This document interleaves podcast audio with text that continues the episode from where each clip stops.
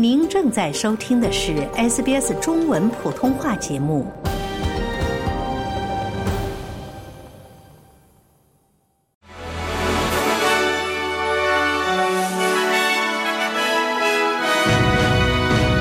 听众朋友您好，我是 SBS 记者刘俊杰。今天是二零二三年十月十八日，星期三。本期 SBS 新闻快报的主要内容有：澳洲政府将审查驱逐有残障儿童的移民家庭的做法。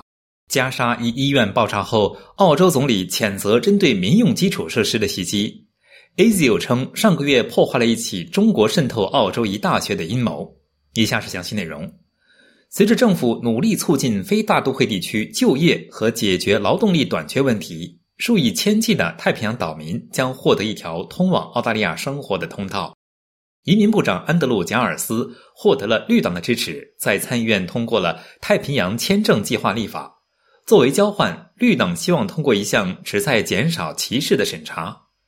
该审查将审视成本门槛。该门槛下，如果临时签证申请人的健康状况将对澳大利亚社会造成重大损失，该机制将赋予政府拒绝该申请人的权利。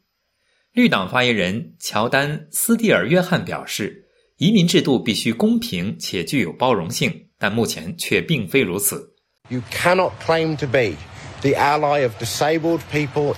斯蒂尔约翰说：“如果你同时驱逐残障儿童及其家人，你就不能声称自己是澳大利亚残障人士的盟友，那是一种歧视残障人士的立场。”该计划每年将通过各国抽签的方式为太平洋岛民分配三千份签证，入选者将可以申请永久居留权。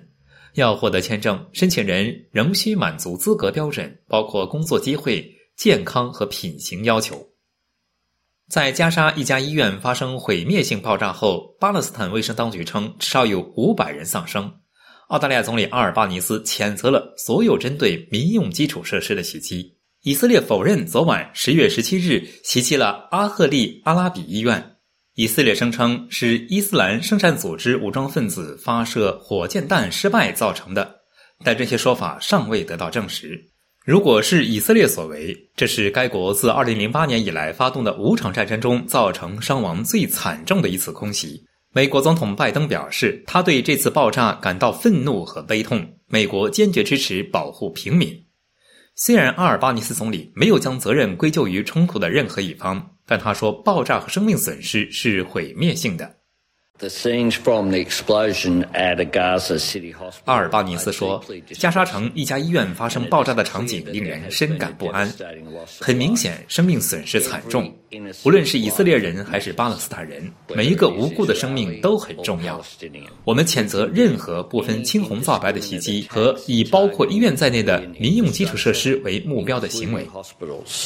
哈马斯武装分子的袭击已造成以色列至少一千四百人死亡。”以色列军队发动了报复性袭击。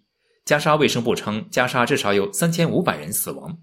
关于澳大利亚情报组织 ASIO 上个月破坏了一起所谓的中国渗透澳大利亚一所大学的阴谋的更多细节已经浮出水面。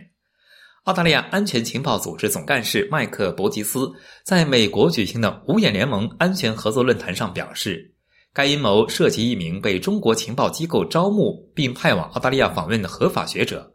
他们的博士研究任务符合中国的情报要求，他说，澳大利亚安全情报组织进行了干预，并在造成危害之前将该学者驱逐出境。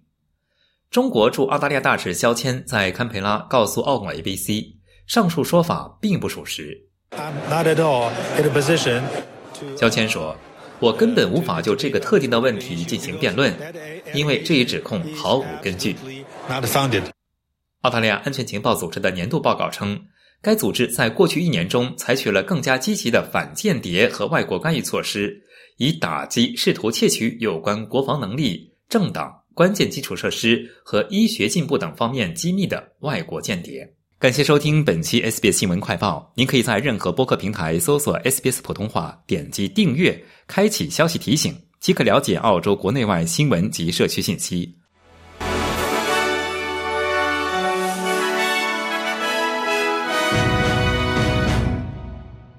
想在 SBS 当一回影评人吗 SBS On Demand 正在推送配有中文字幕的热门影视作品。您只需观看一部或以上影视作品，并把影评观后感发给我们，就有机会赢得一份 SBS 精美礼品。